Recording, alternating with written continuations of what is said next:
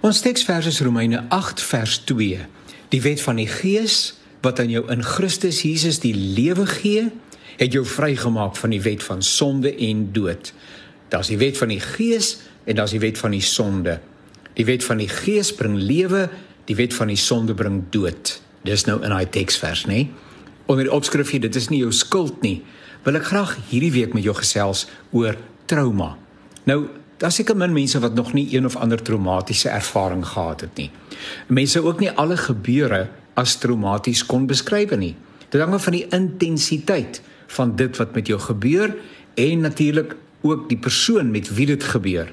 Want ons verskil van mekaar wat ons wyse van hantering en natuurlik van moeilike omstandighede betref.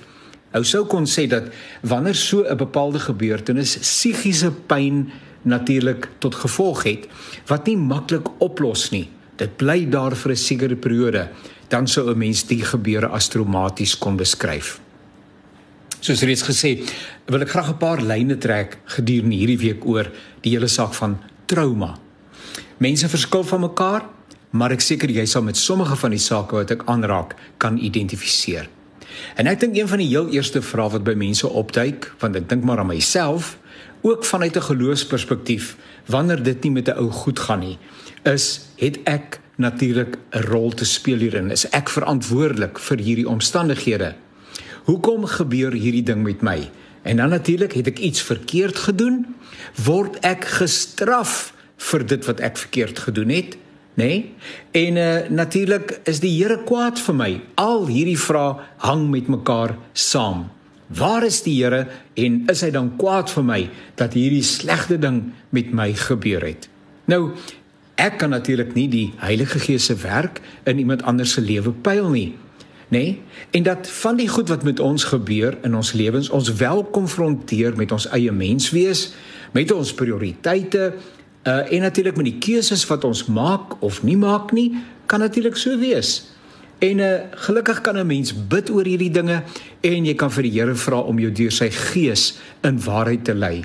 En as die Heilige Gees jou oortuig van iets wat verkeerd is in jou lewe, dan kan jy dit mos na die Here toe bring en sy vergifnis ontvang, want hy is 'n God wat graag vergewe. Maar dit beteken steeds nie dat wanneer slegte dinge met 'n mens gebeur, dit die straf van die Here is nie. Inteendeel, ek verstaan en glo want dis hoe die Bybel my leer dat Jesus reeds al ons skuld aan sy liggaam gedra het en dat hy 'n volmaakte prys betaal het dat ons vrygespreek kan word. Dink maar weer aan ons teksvers van vandag Romeine 8 vers 2, daar's die wet van die gees en daar's die wet van die sonde.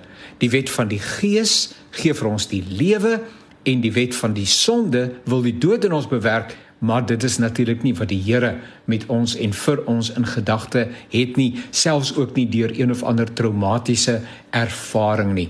Nee Jesus het klaar die skuld betaal en daar staan ook in Romeine 8 vers 1 daar is dus geen veroordeling vir die wat in Christus Jesus is nie.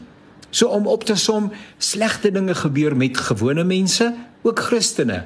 Dis een van die hartseer werklikhede vir ons bestaan op aarde Maar ons weet dat ons nooit ooit alleen is nie en dat ons selfs te midde van die grootste aanvegting uh, kan weet dat niks en niemand ons ooit van die liefde van die Here sal skei nie.